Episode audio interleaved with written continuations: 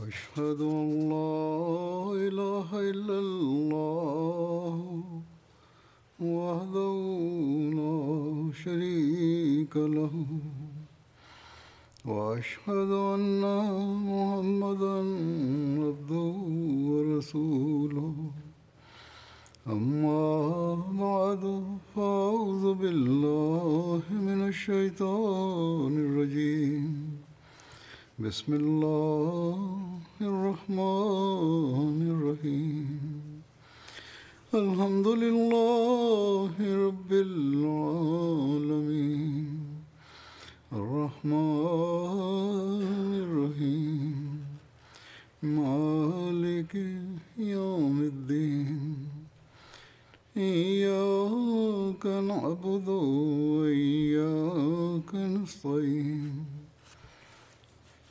اهدنا الصراط المستقيم صراط الذين أنعمت عليهم غير المغضوب عليهم ولا الضالين Ya, Allah Ta'ala yang tercurah pada jemaat dan pertumbuhannya yang berkelanjutan. Hazrat Masih Maud alaihissalam bersabda di suatu tempat, ini juga merupakan mukjizat agung Allah Ta'ala bahwa meskipun sedemikian rupa didustakan, dikafirkan, dan para penentang berjuang siang malam untuk menentang kita, namun jemaat ini terus mengalami perkembangan. Beliau bersabda, penentang kita berupaya siang dan malam dan memikirkan berbagai rencana dan berusaha keras untuk menghentikan jemaat ini. Tetapi Tuhan terus memberikan kemajuan pada jemaat ini. Lalu beliau bersabda, Tahukah kalian apa hikmah di dalamnya? Hikmahnya adalah orang yang diutus oleh Allah Ta'ala yang benar-benar berasal dari Tuhan, hari demi hari terus tumbuh dan berkembang, dan hari demi hari jemaatnya terus berkembang. Dan hari demi hari penghalangnya dihancurkan dan dihinakan. Dan para penentang serta orang-orang yang mendustakannya pada akhirnya mati disertai penyesalan. Beliau bersabda, "Tidak ada yang bisa menghentikan kehendak Tuhan, yang sebenarnya adalah berasal darinya. Terlepas berapa besar seseorang melakukan upaya dan memikirkan ribuan rencana, namun jemaat yang dimulai oleh Allah Ta'ala dan Dia ingin memajukannya, tidak ada yang bisa menghentikannya." Karena jika jemaat tersebut dihentikan oleh usaha mereka, maka terpaksa diyakini bahwa orang yang menghalangi itu telah mengalahkan Tuhan, padahal tidak ada yang dapat mengalahkan Tuhan. Alhasil, kita menyaksikan setiap hari pemandangan tergenapinya ucapan beliau itu. Para penentang juga melakukan berbagai upaya secara individu maupun kelompok Meskipun nampaknya mereka bersatu dan berusaha membuat makar untuk menentang jemaat. Tetapi Allah Ta'ala berjanji kepada beliau alaihissalam bahwa aku akan sampaikan tablik engkau hingga ke pelosok dunia. Dan kemudian berfirman, Aku akan meningkatkan kelompok pecinta engkau yang murni dan tulus. Dan sesuai dengan itu, kita menyaksikan tersebarnya jemaat di dunia. Mereka yang disebut-sebut sebagai ulama dan penentang beranggapan bahwa mereka akan dapat menghancurkan jemaat Hazrat Masih Maud alaihissalam dengan tiupan mereka. Namun mereka tidak menyadari bahwa mereka tengah melawan Allah Ta'ala. Dan jika mereka berdiri melawan Allah Ta'ala, berarti sama saja dengan menghancurkan diri mereka sendiri. Allah Ta'ala senantiasa membantu dan mendukung para hambanya. Kita juga menyaksikan dukungan dan bantuan dan pertolongan Allah Ta'ala bahkan di negara-negara yang jauh di dunia ini. Di daerah-daerah di mana terkadang jangkauan manusia biasanya tidak mampu untuk mencapainya, jalan yang dilalui sangat sulit, tetapi di tempat-tempat seperti itu pun Allah Ta'ala menunjukkan pemandangan dukungannya. Para penentang berusaha sekuat tenaga, namun tetap gagal. Di beberapa tempat mereka ingin menakut-nakuti jemaat dengan merampas nyawa dan harta, tetapi hal itu justru malah meningkatkan keimanan para anggota jemaat.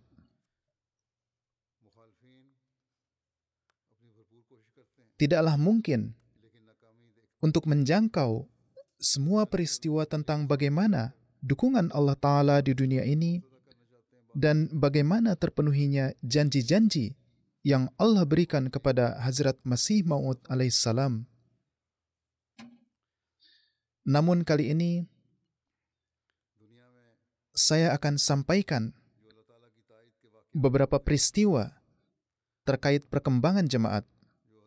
Bagaimana Allah Ta'ala memasukkan ke dalam hati orang-orang untuk bayat masuk kepada Hazrat Masih Maud alaihissalam dan beriman kepada beliau sebagian orang yang menentang jemaat, tetapi penentangan ini disebabkan kurangnya pengetahuan.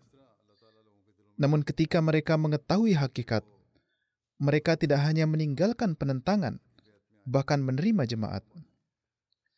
Sebagaimana dalam menjelaskan suatu kejadian tersebut, Amir Jemaat Kongo Kinshasa menulis bahwa di sebuah desa di provinsi Kongo Tengah, ada seorang mualim bernama Isa Sahib. Beliau pergi bertablik bersama dengan delegasi jemaat. Imam masjid di daerah itu, Jibril Sahib, sangat masyhur dengan penentangannya terhadap jemaat. Terjadilah diskusi dengannya tentang kewafatan Nabi Isa Al-Masih dan kedatangan Imam Mahdi. Setelah difahami dengan baik oleh mereka bahwa dengan meyakini masih hidupnya Nabi Isa alaihissalam nauzubillah merupakan bentuk penghinaan terhadap Rasulullah, lalu beliau bayat bersama dengan enam anggota keluarga dan juga 21 jemaah beliau. Mereka tidak keras kepala seperti halnya para maulwi Pakistan. Mereka dapat memahami akidah kedatangan Imam Mahdi. Dengan begitu jemaat berdiri di daerah itu. Kemudian di beberapa tempat Allah Ta'ala sendiri yang menyiapkan lahan untuk pembayatan. Sebagaimana Mubalik Gini Konakri menulis bahwa ada sebuah desa, Kutaya, kami mengunjungi daerah tersebut untuk tujuan tablik. Ketika pesan Hazrat Masih Maud alaihissalam disampaikan dengan jelas, orang yang paling dituakan di desa tersebut mengatakan, bahwa beliau sering mendengar kata Mahdi dan Mahdi dari kakeknya, tetapi beliau tidak memahaminya. Begitu juga kakeknya tidak pernah menjelaskan lebih lanjut. Namun kakeknya memberitahu bahwa Mahdi tersebut berkaitan dengan Islam. Untuk itu, ketika Anda menyebutkan Imam Mahdi secara rinci pada hari ini, saya dengan tulus masuk ke dalam jemaat Ahmadiyah dan beliau berkata kepada penduduk desa, Terimalah jemaah ini karena saya telah sering bepergian ke negara-negara Afrika dan di mana-mana saya melihat jemaat Muslim Ahmadiyah mengkhidmat Islam, sementara firkah-firkah lain sibuk untuk mencari keuntungan duniawi. Atau mereka terus menunjukkan upaya intelektual mereka untuk mengkafirkan satu sama lain. Inilah satu-satu satu-satunya jemaat yang mengkhidmati Al-Quran dan Islam. Dengan karunia Allah Ta'ala, banyak orang, termasuk imam, menyatakan bayat sehingga berdiri jemaat besar di desa tersebut. Kemudian Mubalik in charge Gambia menuturkan, ada satu distrik bernama Nyamina. Di sana ada satu desa dan tim tablik kami pergi ke sana. Mereka menyampaikan ajaran Islam dan Ahmadiyah dan menjelaskan ajaran Imam Mahdi yang benar dan indah dibacakan juga kepada mereka sepuluh syarat bayat.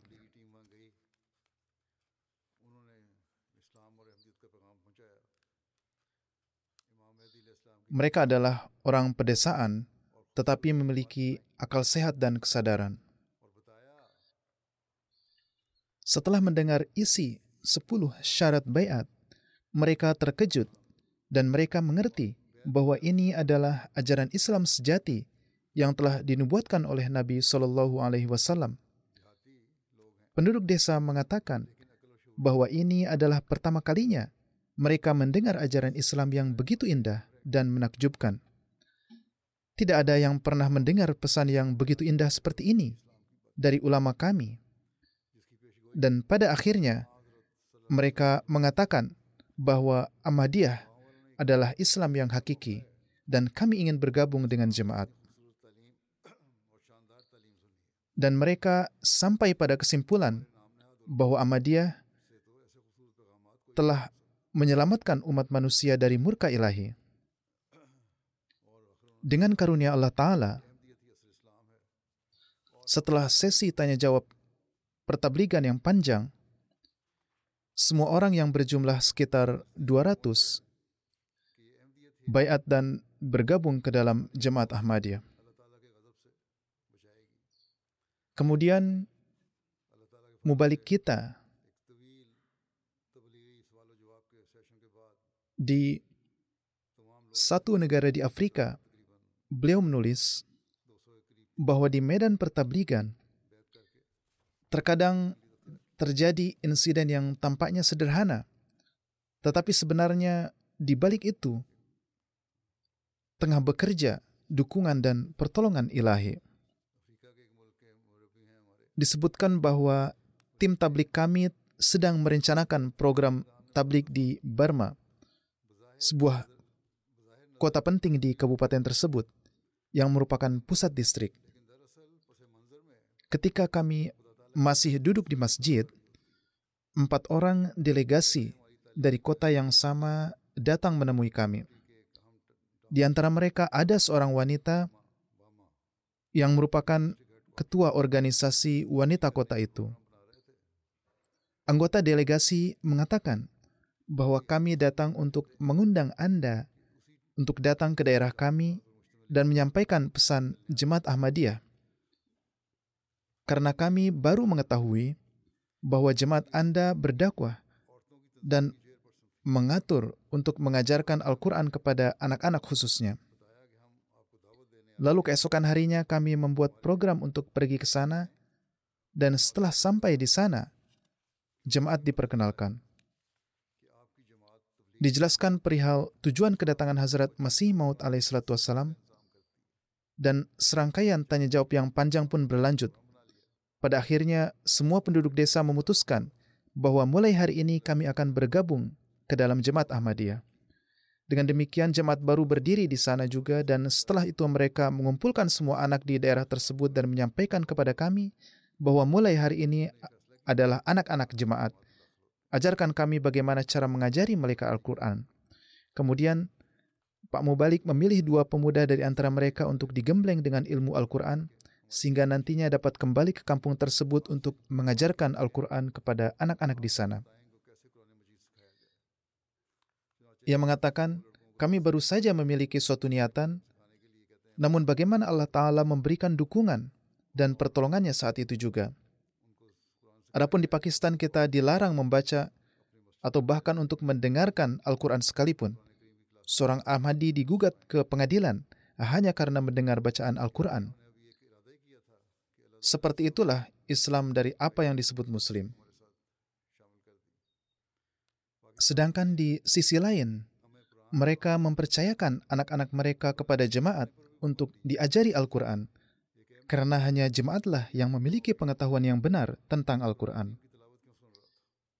Ada sebagian orang yang setelah bayat menjadi seorang Ahmadi, kemudian jatuh ke dalam godaan atau meninggalkan Ahmadiyah karena takut dan kemudian beranggapan mereka akan dapat menghancurkan jemaat.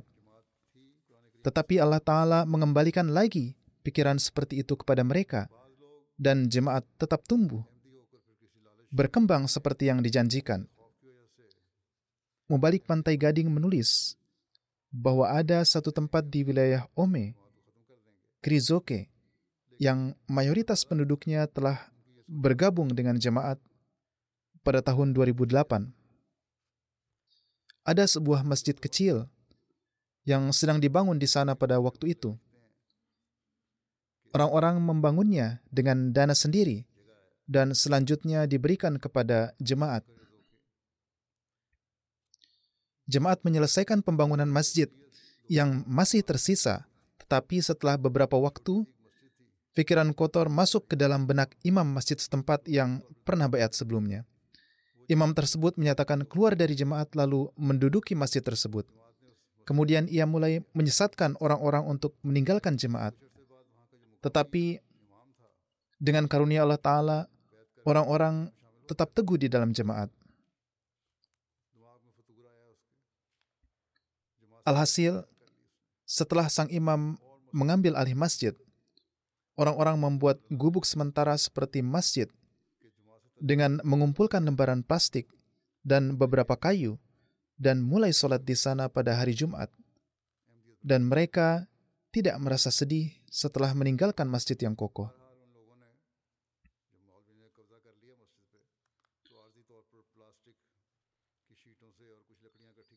Namun, Allah Ta'ala menurunkan karunia-Nya. Dikatakan bahwa selama sepanjang tahun tersebut, jemaat diberikan taufik untuk dapat membangun masjid dua lantai yang indah di sana, yang memiliki kubah dan menara, dan ukurannya beberapa kali lebih besar dari masjid yang diambil oleh Imam Gair tadi.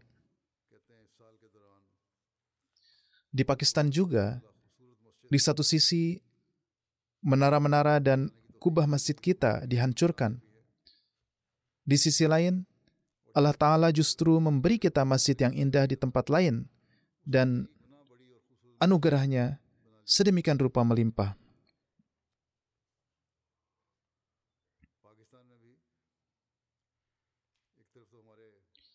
Bagaimana Allah Ta'ala membantu dalam melawan upaya para penentang? Chad adalah sebuah negara di Afrika. Mubalik di sana menulis bahwa pada bulan Maret 2022, saya menceritakan kisah tahun lalu. Tahun ini insya Allah masjid pertama jemaat diresmikan. Di ibu kota Chad, para pendengki membuat berbagai konspirasi dengan menuduh bahwa jemaat Ahmadiyah telah membawa agama baru di negara kita setelah peresmian masjid, jemaat menjadi lebih populer, sehingga jumlah orang yang iri mulai meningkat dan aktivitas mereka juga mulai meningkat. Pak Mubalik mengatakan bahwa beberapa imam gair di wilayah kami yang disebut Maulwi memberikan pidato yang isinya menentang jemaat. Di masjid-masjid dan mempropagandakan bahwa Masjid Ahmadiyah harus ditutup. Untuk itu, mereka mengumpulkan massa, lalu pergi ke Dewan Islam Chad dan bertanya kepada mereka, mengapa Ahmadiyah diizinkan untuk membangun masjid.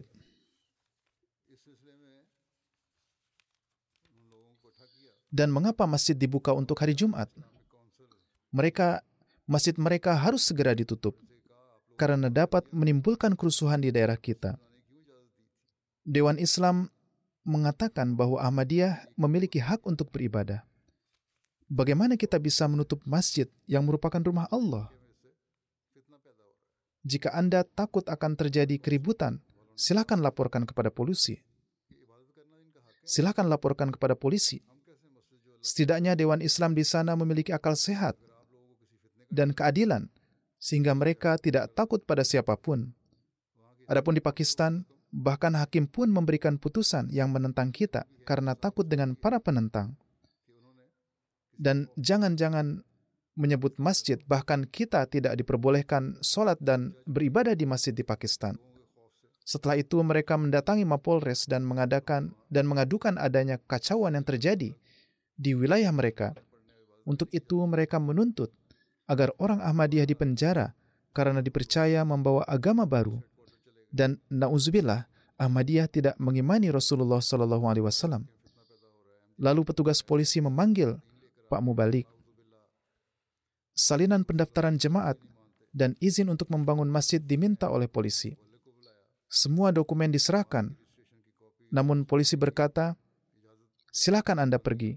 Kami akan selidiki dan nanti akan mengabari Anda." Setelah itu, petugas polisi ini memanggil ketua RW dan menanyakan bahwa Ahmadi telah membangun masjid di lingkungan Anda dan telah membawa agama baru dan tidak beriman kepada Nabi suci Shallallahu Alaihi Wasallam. Pak RW menjawab, itu tidak benar. Saya sendiri melakukan ibadah Jumat di masjid mereka, dan mereka sholat seperti muslim pada umumnya. Dan saya telah mengenal jemaat Ahmadiyah selama tiga tahun, dan mereka melakukan pengkhidmatan yang luar biasa kepada orang-orang. Alhasil, suatu hari polisi datang ke masjid jemaat dan terkejut melihat tulisan La ilaha illallah Muhammadur Rasulullah di luar masjid dan berkata, kalian beriman kepada Muhammad Sallallahu Alaihi Wasallam. Ia lebih terkejut lagi ketika melihat ayat-ayat Al-Quran di dalam aula masjid. Kemudian beliau mengatakan bahwa kiblat kalian juga sama dan saf-saf di dalam masjid pun seperti masjid-masjid umat Islam pada umumnya. Saya diberitahu bahwa Ahmadiyah telah membawa agama baru. Alhasil, polisi tidak mengambil tindakan apa pun. Polisi pun menanyai orang-orang non-Ahmadi yang tinggal di sekitar masjid. Mereka juga mengatakan bahwa kami tidak punya masalah dengan orang-orang Ahmadiyah. Ketika para penentang itu gagal dalam usahanya mengelabui polisi, mereka mulai pergi ke rumah orang-orang yang tinggal di sekitar masyarakat Ahmadi dan memprovokasi mereka untuk mau mengadukan orang-orang Ahmadiyah agar diusir dari kampung tersebut. Masyarakat pun memberikan jawaban yang sama bahwa masjid adalah rumah Allah dan kita tidak mendapati apa pun di dalamnya yang berbeda dengan Islam. Dengan begitu, para penentang terpaksa menelan kegagalan. Ada satu peristiwa tentang bagaimana Allah Ta'ala memasukkan ke dalam hati orang-orang untuk masuk ke dalam jemaat. Disampaikan oleh Mubalik di Belize. Belize adalah satu negara di Amerika Tengah. Beliau menyampaikan ada seorang wanita yang memiliki kaitan erat dengan gereja metodis. Ketika ia melihat pembangunan Masjid Nur, Allah Ta'ala memasukkan ke dalam kalbunya bahwa ia harus menerima jemaat ini. Ketika pembangunan masjid selesai dan masjid telah diresmikan, ia lantas berkata kepada sahabatnya, Tuhan telah memasukkan ke dalam diri saya agar saya pergi ke sana dan menjadi bagian dari jemaat itu. Sahabatnya berkata, ada lagi satu masjid lain di dekat rumahmu. Jika kamu ingin menjadi muslim, kamu pun bisa pergi ke sana. Mendengar ini, wanita itu menjawab, Tuhan telah memasukkan tentang Ahmadiyah ke dalam kalbu saya bahwa mereka inilah orang yang benar dan saya harus bergabung dengan mereka. Maka dari itu, ketika ia datang ke Masjid Nur dan diperkenalkan tentang jemaat, ia menjadi sangat tersentuh. Betapa Allah Ta'ala telah mencondongkannya ke dalam jemaat ini. Dan betapa Allah Ta'ala telah menggiringnya ke dalam jemaat ini. Mubalik di sana menyampaikan, Allah Ta'ala menurunkan ilham kepada Hazrat Masih Maud alaihissalam, aku akan sampaikan tablik engkau ke seluruh pelosok dunia. Jadi demikianlah Allah Ta'ala bekerja untuk jemaat Hazrat Masih Maud alaihissalam. Maka dari itu, beberapa hari setelah ia datang, setelah memahami ajaran Islam Ahmadiyah, ia bayat masuk ke dalam jemaat Ahmadiyah.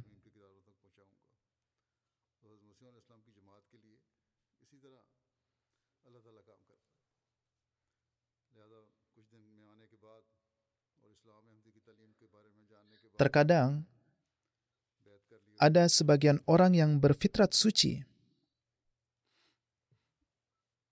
menjadi memusuhi akibat kesalahpahamannya atau akibat terhasut perkataan orang lain. Ada satu peristiwa yang menggambarkan bagaimana Allah Ta'ala telah membimbingnya. Mubalik in charge Gambia menulis, di satu wilayah bernama Jumara, saat itu sedang membeli kaca untuk dipasang di pintu dan jendela masjid baru yang sedang dibangun. Abu Bakar Sabali Sahib, seorang yang mahir dalam memotong kaca, disampaikan kepadanya bahwa telah dibeli telah dibeli kaca-kaca untuk masjid. Ia lalu menurunkan biaya pengerjaannya dengan alasan bahwa ini adalah untuk masjid. Ketika kami membawa kaca-kaca itu dan tiba di masjid bersamanya, maka setelah ia tiba di tempat yang jauh ini dan menyaksikan masjid yang indah, ia pun merasa sangat senang. Tetapi tatkala ia mengetahui bahwa ini adalah masjid Muslim Ahmadi, ia lantas sangat marah dan memecahkan kaca-kaca itu. Saat memecahkannya, sangat disayangkan bahwa ia pun terkilir. Namun betapa Allah Ta'ala lantas telah membimbingnya. Ia berkata, Di malam hari, saya bermimpi bahwa saya sedang berteriak dan hampir tenggelam di lautan, dan saat itu tidak ada harapan untuk pertolongan. Lalu saya melihat perahu yang datang untuk menolong saya dan saya melihat amir jemaat dan mubalik itu. Keesokan pagi, yang juga adalah hari Jumat, ia datang ke rumah misi dan bayat masuk ke dalam Ahmadiyah. Demikian juga di Tanzania, ada satu peristiwa tentang bayat menerima Ahmadiyah. Di wilayah Semio, ada satu jemaat bernama Mawabema Mualimin di sana menuturkan, tablik kepada penduduk setempat telah dimulai.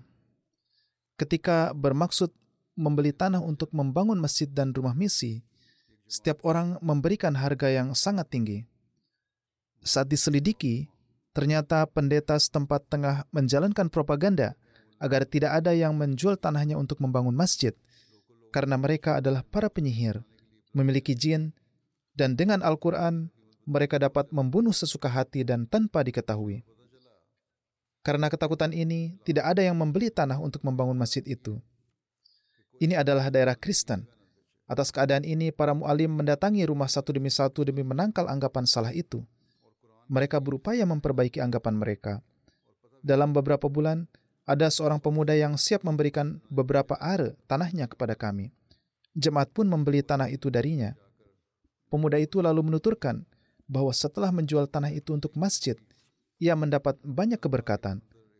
Ada seseorang yang telah beberapa tahun tidak mengembalikan utangnya, sehingga ada beberapa pekerjaannya juga yang tidak berjalan. Maka beberapa hari setelah menjual tanah itu, orang itu mengembalikan semua utangnya dan semua utang saya pun dapat dilunasi dengan perantaraan ini. Alhasil, karena sangat tersentuh dengan peristiwa ini, ia bersama semua keluarganya pun menjadi Ahmadi. Setelah ini disebutkan bahwa angin berhembus sedemikian rupa hingga ratusan orang di daerah itu bayat masuk ke dalam jemaat Ahmadiyah. Allah Ta'ala menuturkan, Allah Ta'ala menurunkan taufik kepada mereka untuk membangun masjid dan rumah misi yang besar.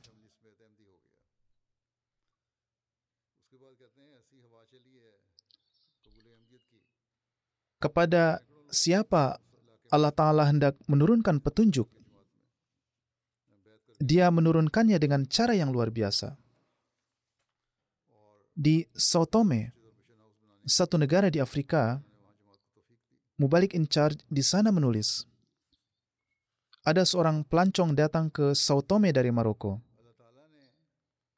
Ia bertanya kepada orang-orang, jika di tempat ini ada masjid muslim, Mereka lalu menyebutkan alamat jemaat kami. Ia sholat Jumat bersama kami.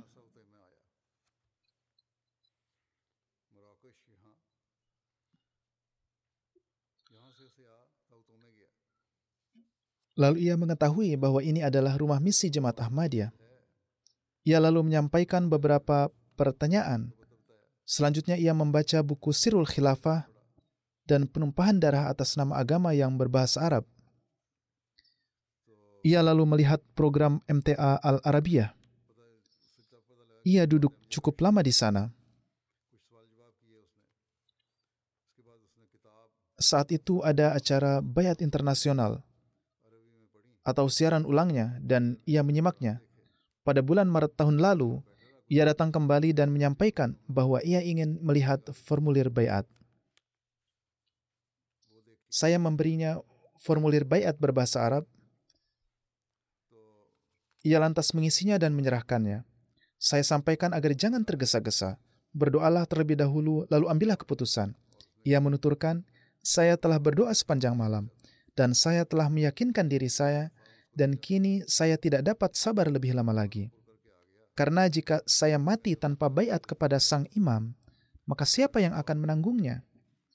Ia menuturkan, saya telah melihat bahwa jemaat Ahmadiyah ada di atas kebenaran. Saya sampaikan kepadanya, orang-orang muslim di negaramu akan memusuhimu dan orang tuamu akan memusuhimu. Bagaimana kamu akan menghadapinya? Ia menjawab, saya telah memberitahu mereka, yakni kedua orang tua. Mereka sama sekali tidak berkeberatan dan bahkan gembira.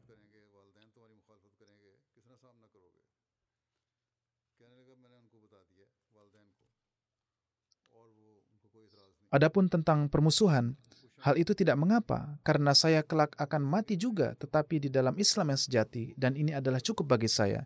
Dan saya tidak perlu hal lain lagi. Mubalik Sahib menyampaikan melalui video call, ayahnya pun berkata kepada saya dan memperlihatkan kegembiraannya.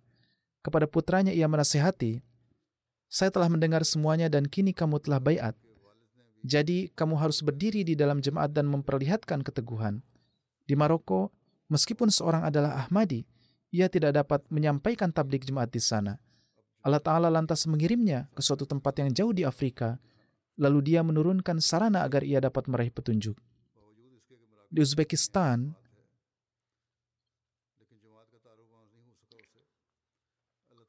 ada seseorang bernama Alim Babai. Ia menuturkan, saya lahir di keluarga muslim. Usia saya 31 tahun. Saya berasal di kota Tashkent di Uzbekistan. Saat itu saya tengah mencari guru untuk belajar Al-Quran Suci. Lalu saya bertemu Babur Khan Sahib. Saya lalu belajar tentang Islam hakiki darinya dan beliau mengajarkan Al-Quran kepada saya. Ia telah menolong saya dalam menerima hakikat kebenaran ini. Alhasil, saya bayat masuk ke dalam jemaat. Jadi, Allah Ta'ala telah mengatur agar ia belajar Al-Quran dari guru Ahmadi. Banyak sekali peristiwa semacam ini. Dan ini bukanlah hanya kebetulan. Banyak peristiwa demikian di berbagai belahan dunia. Salah satunya telah saya sampaikan sebelumnya. Ini adalah tanda khusus adanya pertolongan Allah Ta'ala. Kemudian, ada seorang dari Uzbekistan bernama Azimus Sahib yang menuturkan saya terlahir di keluarga Gair Ahmadi. Empat tahun lalu saya mulai dakwah mendirikan sholat, lalu mulai mempelajari terjemah Al-Quran. Suatu hari, ada suatu tulisan sampai kepada saya yang di dalamnya tertera sabda Rasulullah Shallallahu Alaihi Wasallam akan lahir di dalam umatku orang-orang yang senantiasa ada di atas kebenaran dan tidak ada siapa pun yang dapat merintanginya kalimat ini masuk ke dalam kalbu saya. Saya lalu berdoa ke hadirat Allah Ta'ala di dalam solat dan doa-doa saya agar dimasukkan ke dalam golongan ini. Setelah itu, setelah itu saya harus menghadapi berbagai kesulitan. Saya dikeluarkan dari pekerjaan, namun saya terus memanjatkan doa. Lalu di dalam diri saya timbul keinginan untuk mempelajari Al-Quran. Allah Ta'ala lalu mempertemukan saya dengan Ustadz Babur Sahib ini. Beliau adalah dari Jemaat Ahmadiyah. Saat itu saya belum tahu. Pertama-tama saya mempelajari Al-Quran. Suatu hari saya bermimpi melihat Ka'bah. Lalu saya mendekatinya dan menyentuhnya. Kemudian timbul di dalam di dalam pikiran saya bahwa saya belum berwudu. Saya lalu pergi ke kamar mandi untuk berwudu. Sesaat saya lalu terjaga. Ia menuturkan, saya lalu terus menimba ilmu dari guru, Ahmadi itu. Suatu hari saya bertanya tentang turunnya Isa ibnu Maryam dari langit. Beliau menjawab bahwa Isa ibnu Maryam telah wafat dan sosok yang dijanjikan akan datang dalam corak Isa ibnu Maryam adalah Imam Mahdi. Kemudian saya menempuh penelitian dan akhirnya mengetahui bahwa sosok tersebut adalah Hazrat Mirza Gulam Ahmad. Sang ustadz tidak menjelaskan kepadanya dan menyuruhnya untuk mencari sendiri, dan ia adalah sosok Imam Mahdi. Jadi ia melakukan penelitian Dan setelah mencari melalui internet dan berbagai cara, ia mengetahui bahwa Mirza Ghulam Ahmad Kadiani adalah sosok Imam Mahdi. Ketika saya menyampaikan kepada guru saya, ia pun membenarkan bahwa Mirza Ghulam Ahmadlah sosok Imam Mahdi yang sedang kita nantikan. Setelah saya diberi penjelasan tentang terpenuhinya segala tanda tentang Imam Mahdi, saya masih diliputi keraguan. Kemudian guru saya menyampaikan tentang jemaat Ahmadiyah, bahwa beliau pun berasal dari jemaat ini. Disampaikan juga bahwa Jumat, jumlah anggota jemaat masih sedikit. Saya lalu dipertemukan dengan murid-muridnya yang lain. Alhasil, saya terus melakukan penelitian. Kemudian, setelah penelitian dan doa, saya menyadari bahwa Allah Ta'ala mengabulkan doa-doa saya. Setelah itu, saya pun bayat. Demikianlah di Uzbekistan pun, ada seseorang yang mengalami hal demikian, yaitu orang itu mendapat taufik menerima bayat di tahun lalu.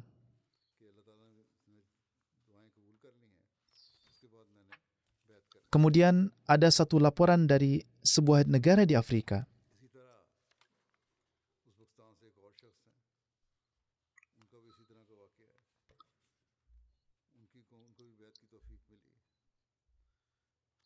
Mubalik jemaat di sana menuturkan bahwa beliau bersama mualim setempat tengah kembali dari rapat jemaat. Waktu sudah malam dan perjalanan masih jauh.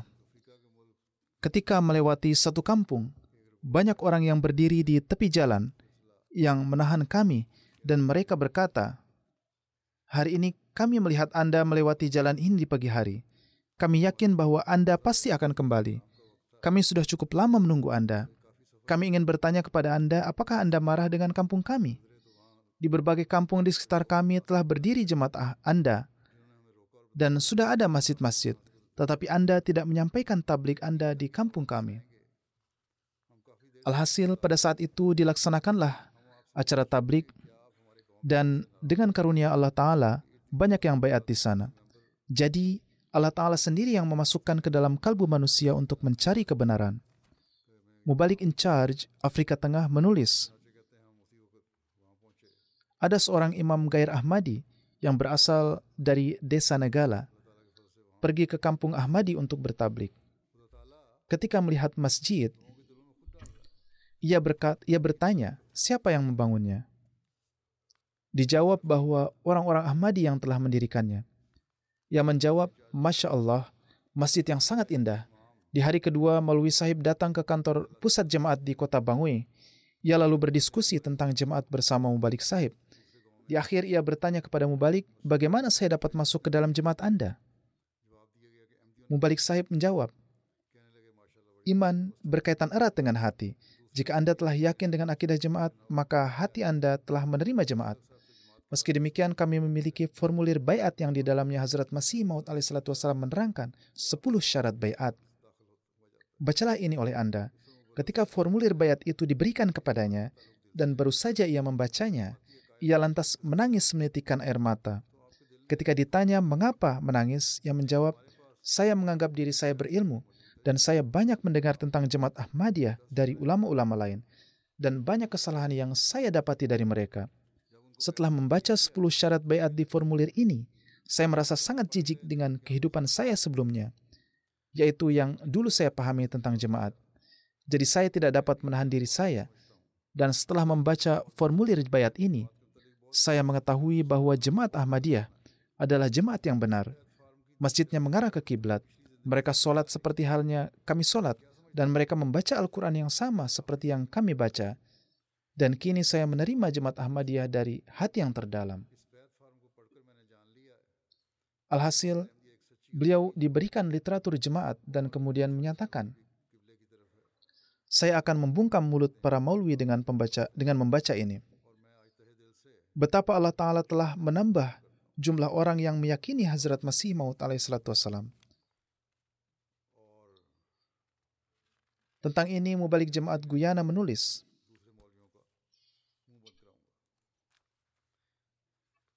Jemaat Linden secara teratur mengadakan acara bookstall, bookstall dan menyebarkan selebaran. Suatu hari ada panggilan dari seseorang bahwa ia membaca selebaran dan ia baru saja mengetahui bahwa ada sholat center di dekat rumahnya.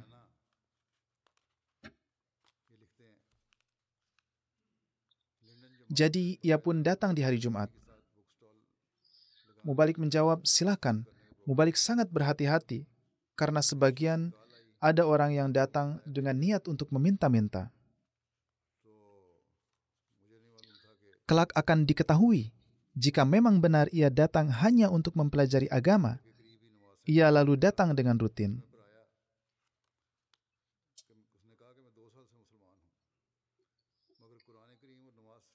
Ia terus mempelajari Al-Quran, dan setelah kurun waktu yang cukup lama, ia tetap tidak meminta apa pun. Mubalik menuturkan, pada akhirnya saya meyakini bahwa ini adalah orang yang sangat tekun dalam agama. Kemudian ia diperkenalkan dengan jemaat dan kepadanya diperlihatkan foto Hazrat Masih Maud alaihissalam.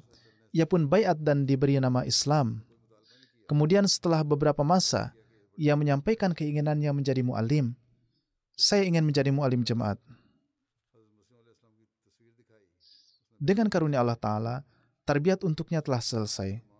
Ia telah dawam sholat dan telah dapat memimpin sholat Jumat.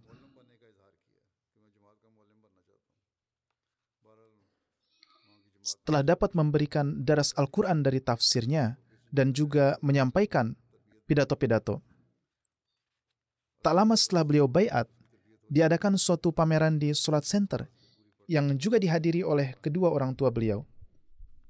Ayah beliau adalah seorang penentang keras Islam, namun ibu beliau pernah menyatakan ketertarikannya kepada Islam. Khususnya beliau menyukai perintah hijab bagi kaum wanita, yang karenanya timbul ketertarikan pada diri ibunda beliau. Singkatnya disampaikan kepada beliau, yakni mualim tersebut supaya menabligi kedua orang tuanya, mengajak mereka bergabung dengan Ahmadiyah dan mengajarkan Islam kepada mereka. Beliau mengatakan, bahwa kedua orang tuanya sangat keras dalam urusan agama dan ibu beliau adalah seorang yang rajin pergi ke gereja dan juga telah dibaptis. Dikatakan bahwa mari kita doakan. Disampaikan juga kepada pemuda tersebut supaya berdoa untuk ibunya. Semoga Allah Ta'ala mencondongkan hatinya kepada Islam. Suatu hari ibunda beliau mulai mengajukan berbagai pertanyaan kepada putranya dan mulai ikut sholat Jumat. Kemudian suatu hari tiba-tiba beliau mengungkapkan keinginannya untuk bayat. Lalu beliau bergabung ke dalam jemaat dan dengan karunia Allah Ta'ala secara rutin hadir dalam sholat berjamaah dan sholat Jumat.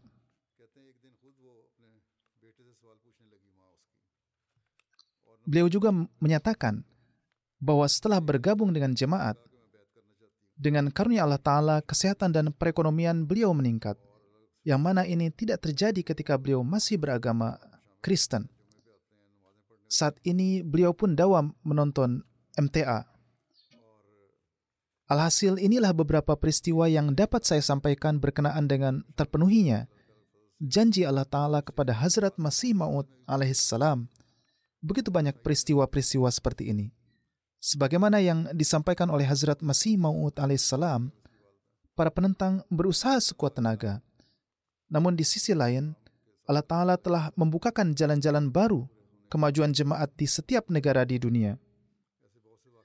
Oleh karena itu, selain bersyukur kepada Allah Ta'ala, kita pun harus terus mengevaluasi kondisi diri kita. Kita pun harus terus berusaha memperkuat keimanan kita, memperbaiki kondisi amalan kita, menanamkan hal ini dalam diri keturunan kita, bahwa ujian memang datang, tetapi pada akhirnya kemenangan hanya akan menjadi milik jemaat yang didirikan oleh Allah Ta'ala. Oleh karena itu, jangan pernah membiarkan keimanan kalian goyah. Semoga Allah Ta'ala menganugerahkan keteguhan kepada para Ahmadi baru maupun lama dan meningkatkan keimanan dan keyakinan mereka. Sekarang saya akan menyampaikan riwayat beberapa almarhum. Setelah ini juga akan dilaksanakan sholat jenazah gaib bagi mereka. Jenazah yang pertama adalah Nyonya Parwin Akhtar yang merupakan istri almarhum Tuan Gulam Kadir dari Sialkot. Beliau wafat beberapa hari yang lalu di usia 90 tahun. Innalillahi wa inna ilaihi roji'un. Beliau memiliki tiga putra dan empat putri. Salah seorang putra beliau, Tuan Arif Mahmud, adalah seorang mubalik jemaat. Dikarenakan sedang berada di medan pengkhidmatan, beliau tidak bisa hadir dalam pengurusan jenazah ibunda beliau. Pak Mubalik Arif Mahmud menuturkan bahwa ibunda beliau adalah cucu dari Hazrat Chodri Imam Din Chohan, sahabat Hazrat Masih Maud alaihissalam, dan putri dari mualim jemaat Tuan Gulam Ahmad.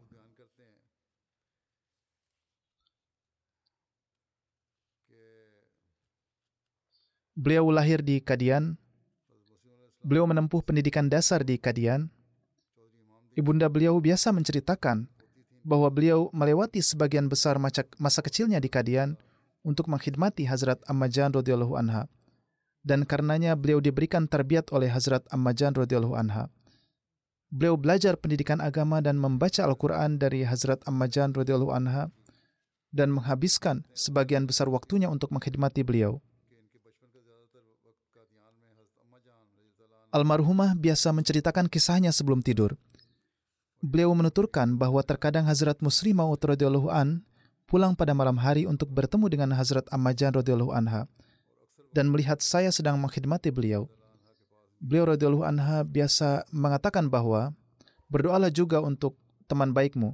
Diceritakan bahwa ketika ibunda beliau menikah pada tahun 1953, tidak berapa lama kemudian keadaan semakin memburuk. Beberapa penduduk desa menunjukkan kelemahan tetapi dengan karunia Allah Ta'ala, beliau tetap teguh dalam agama dan juga menguatkan suami beliau. Setelah itu beliau mulai mengajarkan Al-Quran karena beliau adalah seorang alim dan mulai menghafalkan doa-doa solat dan surah-surah. Demikian juga beliau membuat pusat kegiatan untuk jemaat dengan membangun sebuah musola di rumahnya.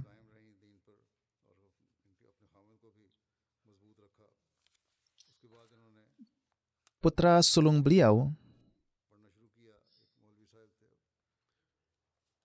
yang bergabung di ketentaraan menuturkan beliau mengutamakan agama di atas dunia. Beliau biasa mengatakan kepada kami bahwa jika kalian berpegang teguh pada agama, maka urusan-urusan dunia akan dengan sendirinya menjadi baik. Beliau membiasakan kami melaksanakan sholat sejak masih kecil dan bahkan pada saat sholat subuh meskipun masjid agak jauh. Beliau biasa pergi ke masjid sendirian. Beliau juga mengajarkan Al-Quran kepada para wanita non-Ahmadi di lingkungan sekitar. Sekarang di sana mereka tidak bisa membaca Al-Quran, padahal sebelumnya begitu banyak orang-orang non-Ahmadi yang belajar Al-Quran dari para Ahmadi. Kemudian putri beliau menulis bahwa pada umumnya anak perempuan di desa tidak terpelajar.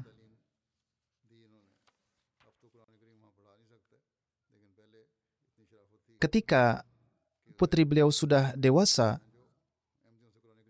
beliau mendaftarkannya ke sekolah, maka kakeknya berkeberatan. Beliau terus berusaha meyakinkannya bahwa pendidikan harus diberikan dan selalu mengatakan bahwa anak perempuan harus diberi pendidikan yang cukup untuk setidaknya bisa membaca literatur jemaat dan memberikan terbiat kepada anak-anak mereka. Tuan Rashid Ahmad Sahib adalah kepala kampung di Manga.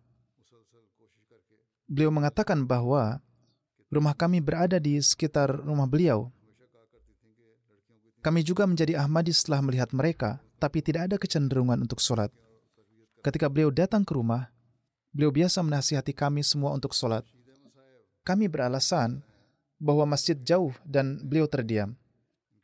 Kami melihat beliau mengangkut tanah dari ladang di atas kepala beliau dan membawanya ke rumah. Proses mengangkut tanah ini berlangsung sekitar seminggu. Kemudian dengan tangan ini beliau membuat tembok di sisi barat rumah dan membuat empat tembok yang sama dengan panjang dua depa.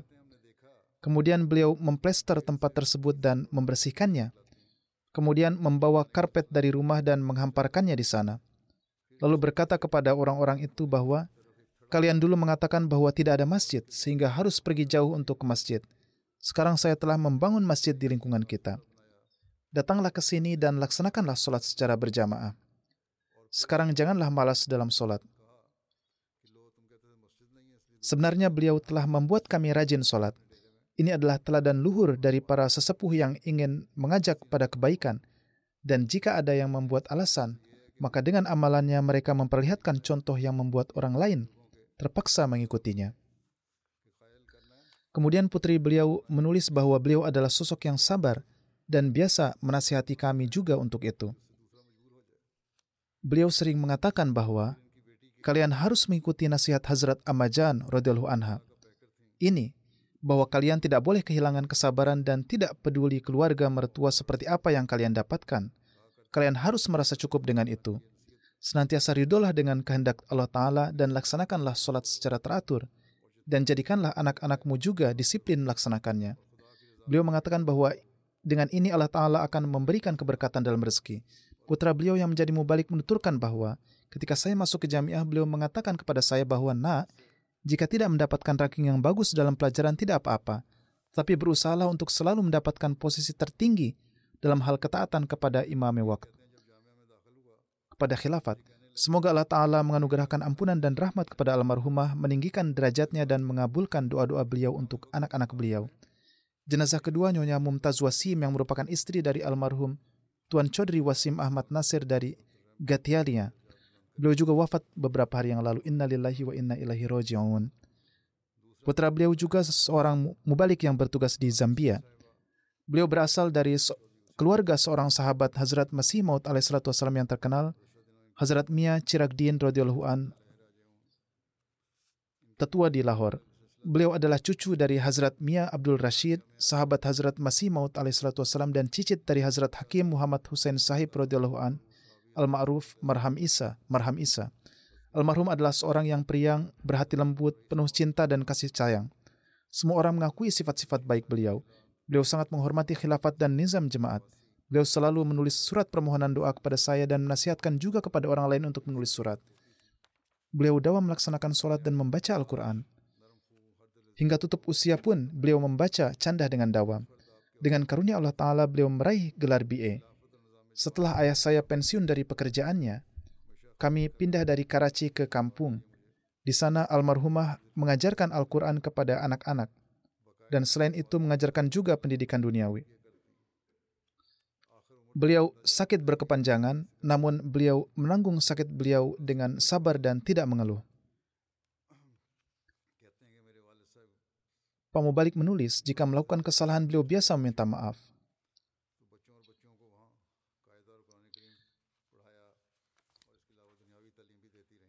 Dua putra beliau mewakafkan diri dan beliau mewakafkan kedua putranya dengan sangat senang hati dan sangat bahagia dengan wakafnya dua putra beliau.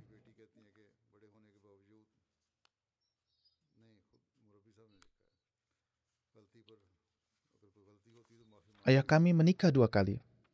Setelah ibu yang pertama wafat, beliau merawat saudara-saudara kami dari ibu yang pertama seperti anak kandung beliau sendiri dan tidak membiarkan mereka merasakan kehilangan sosok ibu ketika saya pergi ke Gambia, beliau melepas saya dengan banyak mendoakan.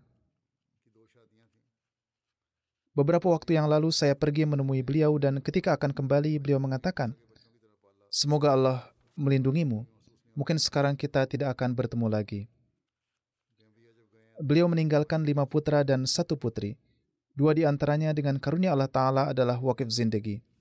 Yang pertama adalah Tuan Nasir, mualim wakfi jadid, dan yang kedua adalah mubalik di Zambia. Mereka tidak bisa hadir karena sedang berada di lapangan perkhidmatan di luar negeri. Semoga Allah Ta'ala menganugerahkan ampunan dan rahmatnya kepada almarhumah dan mengabulkan doa-doa beliau untuk anak-anak beliau. Jenazah yang ketiga adalah Tuan Brigadir Munawar Ahmad Rana. Beliau adalah Sekretaris Umum Jemaat Distrik Rawalpindi Beliau juga wafat beberapa hari yang lalu. Innalillahi wa inna ilahi roji'un. Ahmadiyah masuk ke dalam keluarga beliau melalui kakek beliau, Tuan Chodri Gulam Ahmad Advocate, seorang sahabat Hazrat Masih Maud alaihissalam. Pada tahun 1971, beliau bergabung dengan Angkatan Darat Pakistan. Semasa berdinas, beliau tetap terhubung erat dengan jemaat. Selama bertugas di berbagai tempat, beliau menjadikan rumahnya sebagai sholat center. Beliau adalah seorang perwira Ahmadi pemberani yang sangat mencintai jemaat. Setelah pensiun, beliau selalu siap untuk mengkhidmati jemaat. Beliau mendapatkan taufik melakukan berbagai pengkhidmatan di distrik Emirate Kent dan Rawalpindi. Beliau melaksanakan pengkhidmatan kepada jemaat dengan kerja keras dan dedikasi yang tinggi dan memperlakukan kawan-kawannya dengan sangat hormat dan rendah hati serta mematuhi para pengurus. Beliau memiliki hubungan kesetiaan dan ketaatan yang erat dengan khilafat. Beliau mengucapkan baik terhadap setiap gerakan di jemaat Beliau bersikap simpati kepada orang-orang miskin. Beliau senantiasa siap membantu orang-orang yang sedang kesulitan. Dengan karunia Allah Ta'ala, beliau adalah seorang musi. Di antara yang ditinggalkan antara lain ibunda beliau yang dalam kondisi lemah, Nyonya Salimah Khursyid, dua istri dan lima anak yang terdiri dari empat putri dan satu putra. Semoga Allah Ta'ala menganugerahkan ampunan dan rahmatnya kepada almarhum.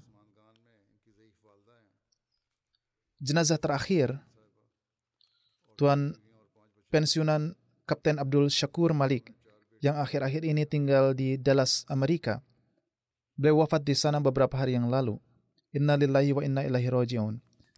Kakek beliau, Tuan Gulam Nabi Syekh, adalah sahabat Hazrat Masih Maud alaihissalam. Melalui kakek beliau ini, Ahmadiyah disampaikan di desa asal beliau Noshera dilakukan pertabligan dan jemaat masuk ke desa tersebut. Almarhum mendapatkan taufik bekerja untuk Angkatan Udara Pakistan sebagai insinyur dan kemudian sebagai kapten. Beliau berkhidmat sebagai naib amir Rawalpindi selama 15 tahun. Selama periode ini, beliau juga mengikuti kasus beberapa Ahmadi yang dipenjara di Jalan Allah. Beliau memiliki ikatan yang mendalam dengan khilafat selama bertugas di Angkatan Udara Beliau dengan berani menunjung tinggi identitas sebagai anggota jemaat Ahmadiyah meskipun terjadi penentangan. Setelah pensiun, beliau mewakafkan diri untuk jemaat. Beliau adalah seseorang yang menegakkan contoh luhur ketaatan kepada nizam dan khilafat. Siang atau malam, kapan pun amir jemaat memanggil beliau atau jemaat memanggil beliau, beliau segera datang. Beliau tidak pernah menyampaikan alasan. Beliau disiplin dalam puasa dan sholat. Beliau mencintai dan menyayangi setiap orang. Beliau sosok yang memberikan pengaruh yang baik. Putri beliau, Sazia Suhail menuturkan, ayah saya menghabiskan sebagian besar waktunya untuk pekerjaan-pekerjaan jemaat. Di mana pun berada, waktu favorit beliau adalah ketika melaksanakan sholat atau melakukan pekerjaan jemaat. Beliau selalu menceritakan kisah-kisah tentang karunia Allah Ta'ala dan pengabulan-pengabulan doa. Beliau selalu mengajak anak-anaknya duduk bersama dan menceritakan peristiwa-peristiwa ini, bahwa betapa Allah Ta'ala memiliki hubungan yang istimewa dengan para Ahmadi betapa Allah Ta'ala membantu urusan para Ahmadi. Beliau mendorong kami untuk menulis surat kepada Khalifatul Masih untuk setiap perkara penting. Beliau selalu mengatakan, tulislah surat untuk segala hal. Putri, putri beliau menuturkan, salah satu ciri khas ayahanda adalah ketawakalan kepada Allah dan tunduk pada kehendak ilahi. Beliau mengajarkan kepada kami sejak kecil bahwa setiap kali kami mendapatkan rezeki harus dikeluarkan canda darinya. Dengan melakukan ini akan ada keberkatan dalam nafkah kami. Akan ada kesucian dan akan terjadi peningkatan dalam kesucian. Almarhum adalah seorang musi di antara yang ditinggalkan antara lain tiga putri dan satu putra. Putra beliau adalah seorang dokter yang tinggal di Amerika, yaitu Pak Dr. Amir. Beliau juga bekerja untuk jemaat. Semoga Allah Ta'ala menganugerahkan ampunan dan rahmatnya kepada almarhum, mengabulkan doa-doa almarhum